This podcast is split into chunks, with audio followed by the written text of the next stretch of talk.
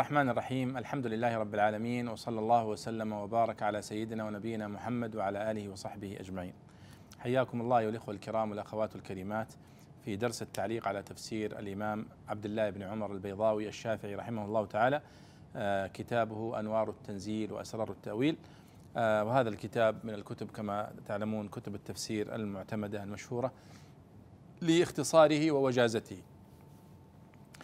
آه، وقفنا في الدرس الماضي في آه، بعد أن انتهى مشهد موسى مع السحرة وانتصار موسى على السحرة وأنه ألقى عصاه فيعني التهمت كل ما صنعه هؤلاء السحرة من آه، السحر ومن الكذب و نبدأ اليوم إن شاء الله من قوله تعالى في سورة الأعراف وقال الملأ من قوم فرعون أتذر موسى وقومه ليفسدوا في الأرض. نعم بسم الله.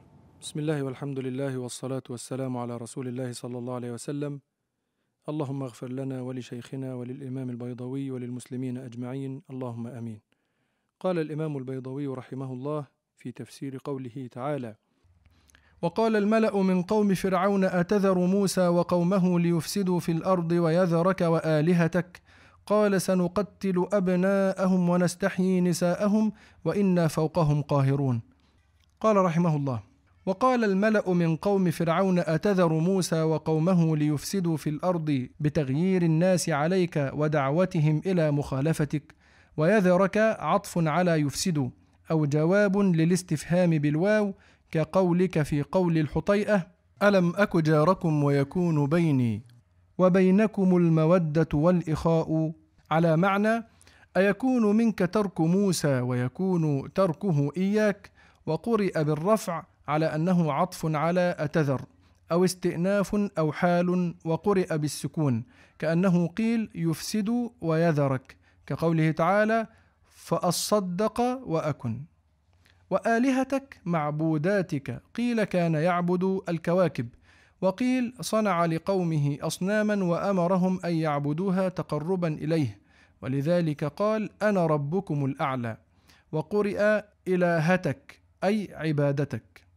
قال فرعون سنقتل أبناءهم ونستحيي نساءهم كما كنا نفعل من قبل ليعلم أنا على ما كنا عليه من القهر والغلبة ولا يتوهم أنه المولود الذي حكم المنجمون والكهنة بذهاب ملكنا على يده. وقرأ ابن كثير ونافع سنقتل بالتخفيف. وإنا فوقهم قاهرون غالبون وهم مقهورون تحت أيدينا. يقول الله سبحانه وتعالى وقال الملأ من قوم فرعون. والملأ من قوم فرعون هم كبار البلاط والمتنفذون وأصحاب الشأن والمؤثرون. قال الملأ من قوم فرعون يخاطبون فرعون أتذر موسى وقومه ليفسدوا في الأرض ويذرك وآلهتك؟ يعني يحرضونه على موسى وقومه. يعني بتغيير الناس عليك ودعوتهم إلى مخالفتك. ويذرك يعني عطف على يفسدوا يفسدوا في الأرض ويذرك وآلهتك.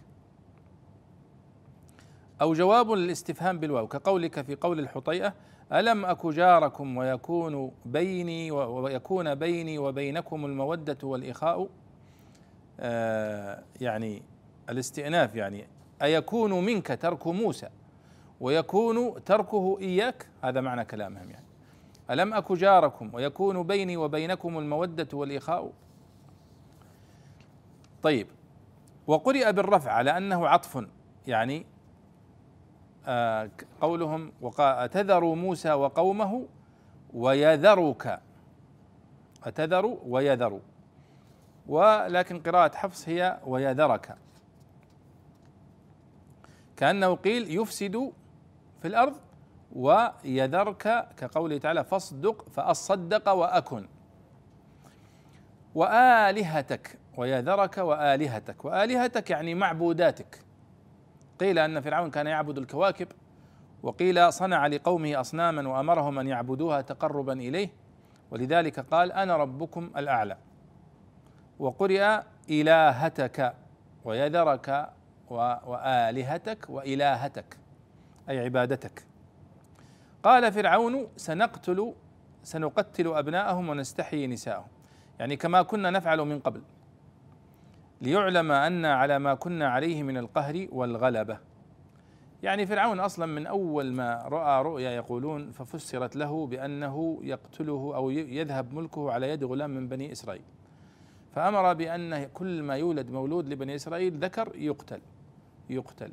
يقتل. ثم بعدين طوروا لما شاف إن القتل كثر قالوا خلاص شوف سنة نقتل فيها وسنة نترك. فكان هذا تخفيف للعقوبة. فموسى عليه الصلاة والسلام كما تعلمون ولد في السنة التي يقتل فيها الصغار. فلذلك يعني خافت أم موسى وصارت القصة المعروفة. لكن هارون وهو قد ولد في السنة التي لا يقتل فيها الصغار فما أصابه سوء يعني. طيب قال فرعون سنقتل أبناءهم. يعني بعد هذه يعني بعد قصة انهزام يعني فرعون و يعني انهزم معنويا. انهزم معنويا ولذلك دائما شوفوا الإسلام لم ينتصر عفوا الإسلام لم ينهزم قط. من الناحية العلمية والفكرية ومن الناحية الحجة والبيان ابدا. من أيام آدم عليه الصلاة والسلام إلى محمد إلى اليوم إلى أن تقوم الساعة. لا ينهزم ابدا الإسلام والتوحيد ومنطق التوحيد ومنطق الإيمان بالله لا ينهزم من حيث البيان والحجه ولكنه قد ينهزم من حيث من الناحيه العسكرية. فلضعف المسلمين ينتصر أعداؤهم. لكنه لم ينتصر أعداء المسلمين ابدا. حتى شوفوا فرعون على جبروته وطاغوتيته وجايب كل الإمكانيات المتاحة وهم السحرة لكنه انهزم في موقفه أمام الناس. تلقائيا الناس لما رأوا أن عصا موسى قد انتصرت طبعا آمن السحرة فإيمان السحرة كان مقدمة لإيمان بني إسرائيل أو معظم بني إسرائيل. فإذا انهزم فرعون معنويا وانهزم فكريا لما قامت عليه الحجة. فهو وش يسوي الآن؟ لجأ إلى الطريقة التي يلجأ إليها كل الطغاة في كل زمان ومكان وهي القتل السجن الطرد هذه يعني القهر والغلبة كما ذكر البيضاوي هنا. قال ليعلم أن على ما كنا عليه من القهر والغلبة ولا يتوهم أنه المولود الذي حكم المنجمون والكهنة بذهاب ملكنا على يده. يعني القصة التي ذكرت لكم. وقرأ ابن كثير ونافع سنقتل بالتخفيف. وقرأ البقية سنقتل وإنا فوقهم قاهرون. وطبعا قراءة سنقتل أبناءهم أشد في المعنى. قال الله تعالى قال موسى لقومه استعينوا بالله واصبروا إن الأرض لله يورثها من يشاء من عباده والعاقبة للمتقين. قال رحمه الله قال موسى لقومه استعينوا بالله واصبروا. لما سمعوا قول فرعون وتضجروا منه تسكينا لهم. وتسلية لقلوبهم وتقريرا للأمر بالاستعانة بالله والتثبت في الأمر. إن الأرض لله يورثها من يشاء من عباده والعاقبة للمتقين وعد لهم بالنصرة وتذكير لما وعدهم من إهلاك القبط وتوريثهم ديارهم وتحقيق له. وقرئ والعاقبة بالنصب عطفا على اسم إن. واللام في الأرض تحتمل العهد والجنس. قال الله تعالى قالوا أوذينا من قبل أن تأتينا ومن بعد ما جئتنا.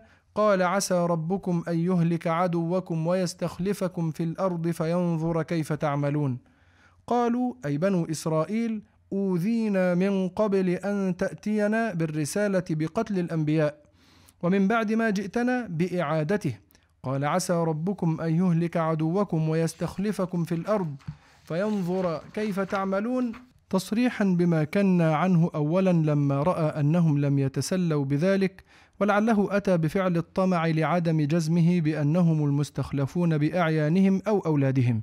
وقد روي أن مصر إنما فتح لهم في زمن داود عليه السلام. فينظر كيف تعملون فيرى ما تعملون من شكر وكفران وطاعة وعصيان فيجازيكم على حسب ما يوجد منكم. قال موسى لقومه استعينوا بالله واصبروا.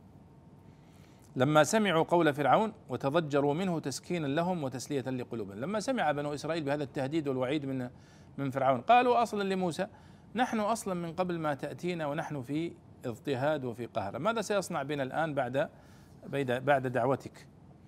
فقال لهم موسى استعينوا بالله واصبروا. يقوم الآن بتثبيت قومه. إن الأرض لله يورثها من يشاء من عباده. فهذا وعد لهم بالنصر. وتذكير لما وعدهم من إهلاك القبط وتوريثهم ديارهم وتحقيق له. وقرئ والعاقبة بالنصب وقرئ والعاقبة. فقراءة النصب قال عطفا على اسم إن إن الأرض لله يورثها من يشاء من عباده. والعاقبة يعني وإن العاقبة للمتقين. وأما والعاقبة للمتقين بالضم فهي يعني آه، مبتدأ وخبر. واللام في الأرض تحتمل العهد والجنس.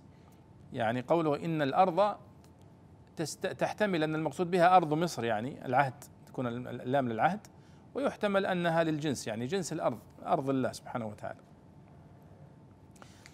قالوا أوذينا من قبل من قبل عفوا من قبل أن تأتينا ومن بعد ما جئتنا. هنا سيأتي الآن الحديث أيها الإخوة والأخوات عن نفسية بني إسرائيل.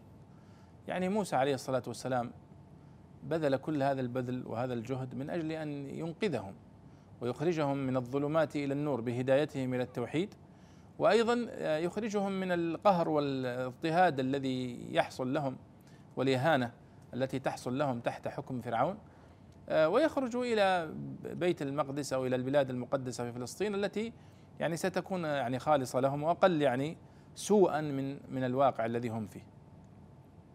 فماذا كان جواب بني إسرائيل؟ ها شوفوا الجواب. قالوا أوذينا من قبل أن تأتينا ومن بعد ما جئتنا. يعني قال بنو إسرائيل لموسى أوذينا من قبل أن تأتينا بالرسالة بقتل الأبناء والاضطهاد ومن بعد ما جئتنا هذا هو فرعون الآن بيجدد علينا العقوبات بإعادته قال موسى عليه الصلاة والسلام بصيغة المتفائل بنصر الله عسى ربكم أن يهلك عدوكم ويستخلفكم في الأرض فينظر كيف تعملون يعني تصريحا بما كنا عنه أولا يعني. لما رأى أنهم لم يتسلوا بذلك ولعله أن أتى بفعل الطمع لعدم جزمه بأنهم المستخلفون بأعيانهم أولادهم. يعني لما قال عسى ربكم قالوا عسى ربكم أن يهلك عدوكم. يعني هو ما جزم لأنه ما ليس ضامنا لأن هؤلاء الذين معه سوف يقفون معه بشكل جدي. وقد روي أن مصر إنما فتح لهم في زمن داود عليه السلام. يعني هذه أيضا أخذت من الروايات الإسرائيلية آه، ولم ينسبه البيضاوي هنا لأحد. لكن آه، يعني هذه الروايات التاريخية الإسرائيلية بعضها يذكر أنهم لم يدخلوا يعني ولم يعني يمكن لهم إلا في زمن داود عليه الصلاة والسلام داود. فينظر كيف تعملون يعني فيرى ما تعملون من شكر وكفران أو طاعة وعصيان فيجازيكم على حسب ما يوجد منكم. قال الله تعالى ولقد أخذنا آل فرعون بالسنين ونقص من الثمرات لعلهم يذكرون. فإذا جاءتهم الحسنة قالوا لنا هذه وإن تصبهم سيئة يطيروا بموسى ومن معه. ألا إنما طائرهم عند الله ولكن أكثرهم لا يعلمون. قال رحمه الله ولقد أخذنا آل فرعون بالسنين بالجدوب لقلة الأمطار والمياه والسنة غلبت على عام القحط لكثرة ما يذكر عنه ويؤرخ به. ثم اشتق منها فقيل أسنت القوم إذا قحطوا. ونقص من الثمرات بكثرة العاهات لعلهم يذكرون لكي ينتبهوا على أن ذلك بشؤم كفرهم ومعاصيهم فيتعظوا أو ترق قلوبهم بالشدائد فيفزعوا إلى الله تعالى ويرغبوا فيما عنده. فإذا جاءتهم الحسنة من الخصب والسعة قالوا لنا هذه لأجلنا ونحن مستحقوها وإن تصبهم سيئة جدب وبلاء يطيروا بموسى ومن معه يتشاءم بهم ويقولون ما أصابنا إلا بشؤمهم وهذا إغراق في وصفهم بالغباوة والقساوة فإن الشدائد ترقق القلوب وتذلل العقائب وتزيل التماسك سيما بعد مشاهدة الآيات. وهي لم تؤثر فيهم بل زادوا عندها عتوا وانهماكا في الغي. وإنما عرف الحسنة وذكرها مع أداة التحقيق لكثرة وقوعها وتعلق الإرادة بإحداثها بالذات ونكر السيئة وأتى بها مع حرف الشك لندورها وعدم القصد لها إلا بالتبع. ألا إنما طائرهم عند الله أي سبب خيرهم وشرهم عنده وهو حكمه ومشيئته أو سبب شؤمهم عند الله وهو أعمالهم المكتوبة عنده فإنها التي ساقت إليهم ما يسوءهم وقرئ إنما طيرهم وهو اسم الجمع وقيل هو جمع. ولكن أكثرهم لا يعلمون أن ما يصيبهم من الله تعالى أو من شؤم أعمالهم. ثم ذكر الله سبحانه وتعالى كيف عاقب آل فرعون بالسنين. يعني بالجدوب. ولقد أخذنا آل فرعون بالسنين يعني بالجدب. يقال جاءتهم سنة أي سنة مجدبة. لقلة الأمطار والمياه. والسنة غلبت على عام القحط لكثرة ما يذكر عنه ويؤرخ به. ثم اشتق منها فقيل أسنت القوم إذا قحطوا. ونقص من الثمرات بكثرة العاهات والأمراض لعلهم يذكرون. لكي يتنبهوا على أن هذا الذي يحدث لهم بسبب معاصيهم. فإذا جاءتهم الحسنة قالوا لنا هذه يعني إذا جاءتهم السنة خصوبة وقالوا لنا هذه يعني لأجلنا ونحن مستحقون لها. وإن تصبهم سيئة يعني جدب وبلاء يطيروا بموسى ومن معه يعني يتشاءموا بموسى ومن معه ويقولون ما أصابنا إلا بشؤمهم. وهذا إغراق في وصفهم بالغباوة والقساوة. فإن الشدائد ترقق القلوب وتذلل العرائك. العرائك يعني جمع عريكة وهي الطبيعة. يعني الشدة تذلل طبيعة الإنسان وتجعل القلب القاسي يلين. هذا المفترض يعني. وتزيل التماسك سيما بعد مشاهدة الآيات وهي لم تؤثر فيهم بل زادوا عندها عتوا وانهماكا. وإنما عرف الحسنة وذكرها مع أداة التحقيق لكثرة وقوعها. وتعلق الإرادة بإحداثها بالذات. ونكر السيئة وأتى بها مع حرف الشك لندورها وعدم القصد لها إلا بالتبع. طبعا هذا يعني من تفسير الكشاف. لاحظوا هذه الأوجه البلاغية. لماذا قال هنا الحسنة؟ فإذا جاءتهم الحسنة فعرفها بالألف واللام. وإن تصيبهم سيئة فجعلها منكرة. فقال عرف الحسنة وذكرها مع أداة التحقيق اللي هي إيش؟ أداة التحقيق. اللي هي إذا. لماذا؟ قال؟ آه لكثرة وقوعها أن الأصل هو غلبة الخير والغيث على الناس وتعلق الإرادة الله بإحداثها أنه يريد لهم هذا الغيث. ونكر السيئة وجعلها مع حرف الشك لندورها وعدم القصد لها إلا بالتبع. طيب ألا إنما طائرهم عند الله أي سبب خيرهم وشرهم عنده؟ وهو حكمه ومشيئته أو سبب شؤمهم عند الله تعالى وهو أعمالهم المكتوبة عنده فإنها هي التي فإنها التي ساقت إليهم ما يسوءهم إنما طيرهم وإنما طائرهم. طيب وهو جمع ولكن أكثرهم لا يعلمون. يعني فذكر الله سبحانه وتعالى أن يعني قوم فرعون كانت إذا أصابتهم سنة يعني فيها خصب وفيها رخاء قالوا هذا هذا العهد وهذا المعتاد ونحن نستاهل لكن إذا أصابتهم سنة جدب قالوا هذا موسى ومن معه. وجه النحس الذين هم سبب ما نحن فيه من النحس ومن القحط ومن الشدة. وهذا فيه إشارة أيها الإخوة والأخوات إلى أن موسى قد بقي في مصر يدعو إلى الله يدعو قومه بني إسرائيل ويسوسهم ويعني يدعوهم إلى الله سنوات كثيرة. لأن هذا ما يحدث. ما دام أنهم يجلس مرت أيام على الفراعنة وعلى بني إسرائيل يأتيهم قحط ويأتيهم سنة غيث ويأتيهم قحط معناها أنها سنوات كثيرة مرت عليهم وموسى موجود فيهم ويعني يدعوهم إلى الله حتى وصل موسى إلى مرحلة يعني أصبح لديهم من من بني إسرائيل عدد كبير. قال الله تعالى: وقالوا مهما تأتنا به من آية لتسحرنا بها فما نحن لك بمؤمنين. قال رحمه الله: وقالوا مهما أصلها ما الشرطية ضمت إليها ما المزيدة للتأكيد ثم قلبت ألفها هاء استثقالا للتكرير وقيل مركبة من مه الذي يصوت به أكفف وما الجزائية ومحلها الرفع على الابتداء أو النصب بفعل يفسره. تأتنا به أي أيما شيء تحضرنا تأتنا به من آية لتسحرنا بها بيان لمهما وإنما سموها آية على زعم موسى عليه السلام لا لاعتقادهم. ولذلك قالوا لتسحرنا بها فما نحن لك بمؤمنين أي لتسحر بها أعيننا وتشبه علينا والضمير في به أو بها لما ذكره قبل التبيين باعتبار اللفظ وأنثه بعده باعتبار المعنى. وقالوا مهما تأتني تأتنا به من آية لتسحرنا بها فما نحن لك بمؤمنين. يعني يا فرع يا موسى مهما جئتنا بآية يعني أصلها كما يقول البيضاوي ما الشرطية ضمت إليها ما المزيدة للتأكيد. ثم قلبت ألفها هاء استثقالا للتكرير.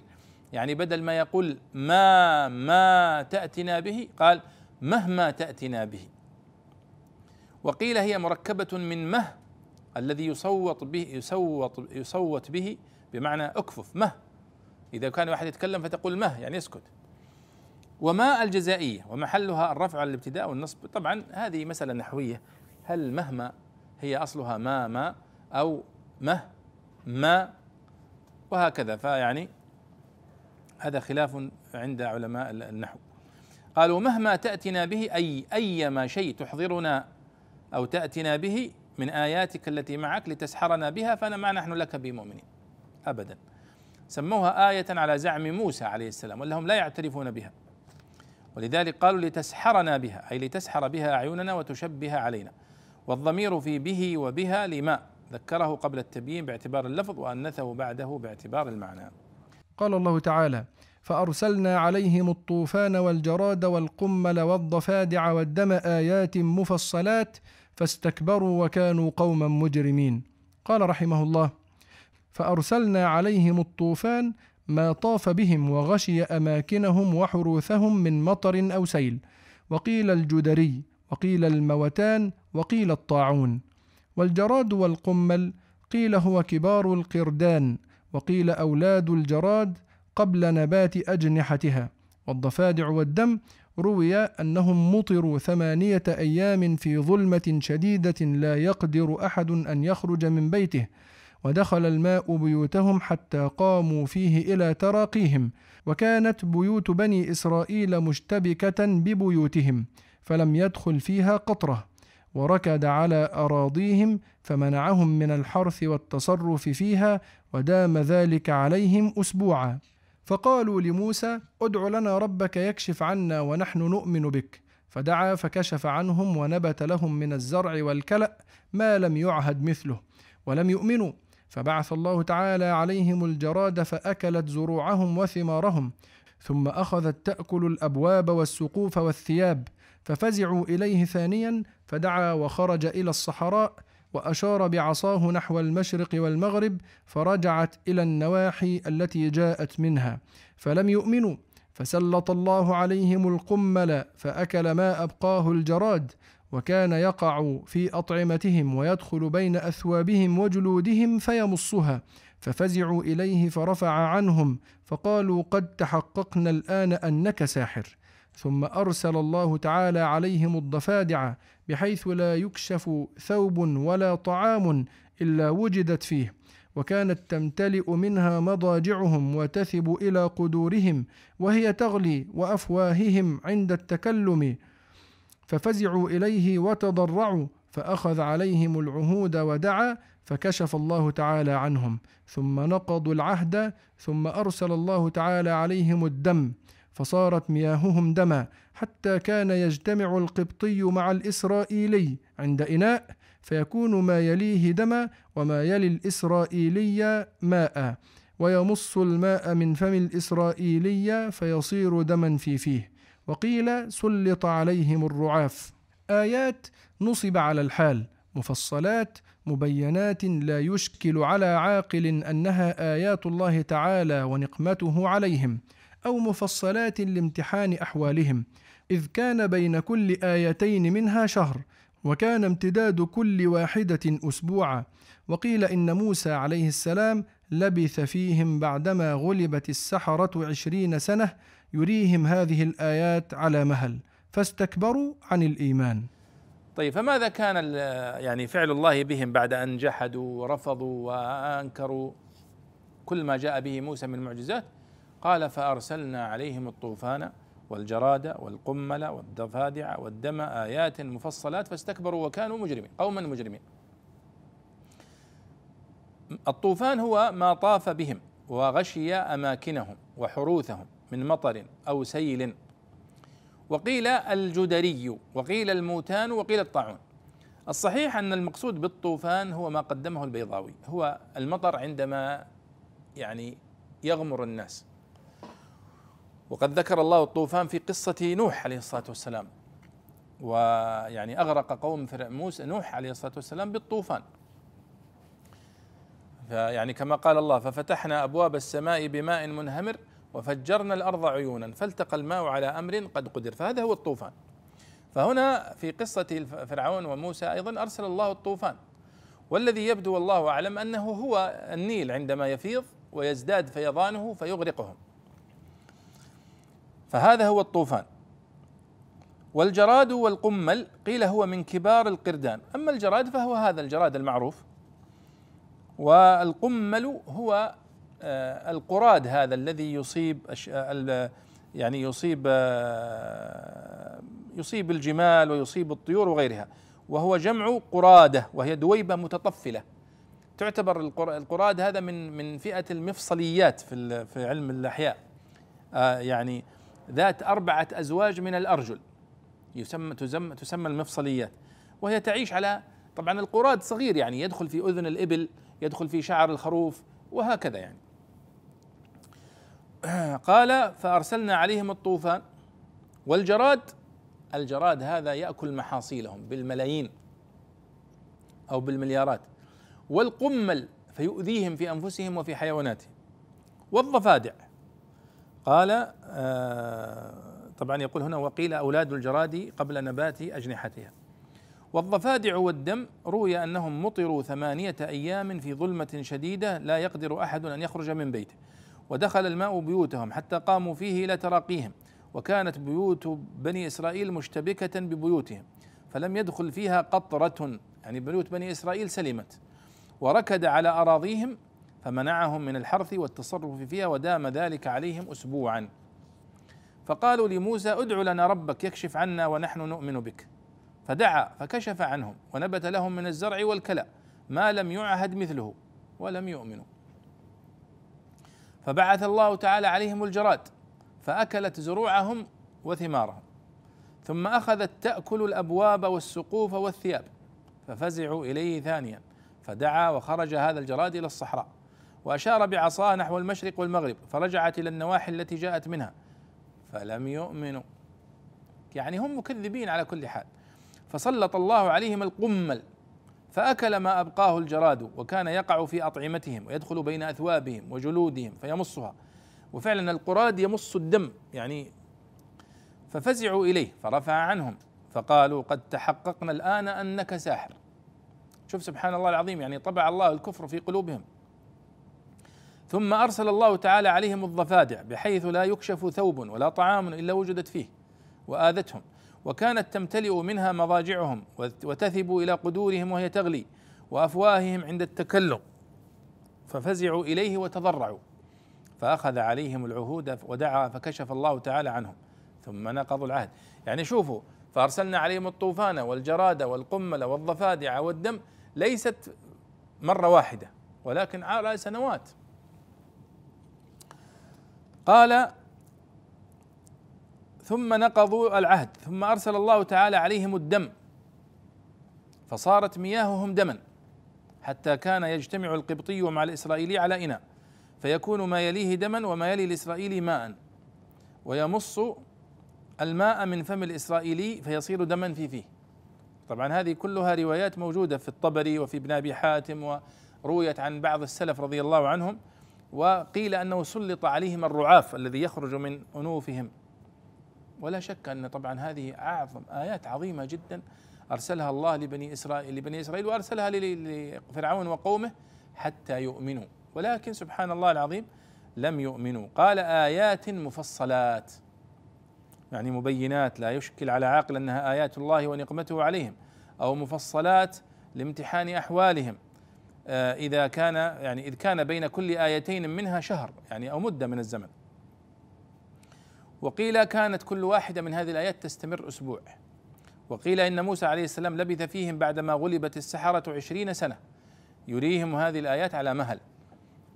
وهذا الذي يظهر كما قلت لكم يعني من خلال قوله إن إذا جاءتهم الحسنة قالوا لنا هذه وإن تصبهم سيئة قالوا آه، طيرنا بموسى ومن معه. لكن فاستكبروا عن الإيمان ولم يؤمنوا.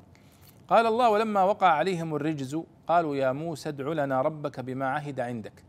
لئن كشفت عنا الرجز لنؤمنن لك ولا نرسلن معك بني إسرائيل. والرجز هو العذاب المفصل الذي ذكره الله سبحانه وتعالى. وقيل هو الطاعون. وقالوا يا موسى ادع لنا ربك بما عهد عندك. من النبوة يعني. أو بالذي عهده إليك أن تدعوه به فيجيبك. وهو دعا عليهم دعا لهم ولكن لم يؤمنوا. قال الله فلما كشفنا عنهم الرجز إلى أجل هم بالغوه إذا هم ينكثون. يعني ينقضون مواثيقهم والنكث هو نقض العهد نقض الصوف أيضا. ثم استخدم في نقض العهد. كأنك عندما تعاهد شخصا أنت توثق ما بينك وبينه. فإذا نكثت كأنك نقضت هذا الغزل آه، كما قال الله ولا تكونوا كالتي نقضت غزلها. قال الله فانتقمنا منهم فأغرقناهم في اليم بأنهم كذبوا بآياتنا وكانوا عنها غافلين. يعني انتقمنا منهم فأر يعني آه، أن الله قد عاقبهم وعذبهم ويقول فأردنا الانتقام منهم يعني فأغرقناهم في اليم أي البحر الذي لا يدرك قعره وقيل لجته. وطبعا قصة يعني غرق فرعون وقومه معروفة لما خرج موسى ببني إسرائيل فأتبعهم فرعون بجنوده بغيا وظلما وعدوانا. فلما يعني وصل موسى إلى البحر ضرب بعصا البحر فانشق البحر فدخل فيه موسى وقومه فأدركه فرعون وقومه وهم يعني مسلحين. فلما استتم قوم موسى خارجين واستتم قوم فرعون داخلين أطبق عليهم البحر. لذلك قال الله بأنهم كذبوا بآياتنا وكانوا عنها غافلين أي كان إغراقهم بسبب تكذيبهم بالآيات. وعدم فكرهم فيها حتى صاروا كالغافلين عنها. فهذا يعني آه، معنى هذه الآيات. ولعلنا نتوقف إن شاء الله عند هذه الآية. ونكمل بإذن الله تعالى آه، هذه الآيات العظيمة التي يذكرها الله عن موسى عليه الصلاة والسلام. سوف يأتي معنا الآن قصص طويلة وآيات كثيرة عن موقف بني إسرائيل من موسى عليه الصلاة والسلام. آه، حتى نلقاكم في اللقاء القادم. نستودعكم الله وصلى الله وسلم على سيدنا ونبينا محمد وعلى آله وصحبه أجمعين.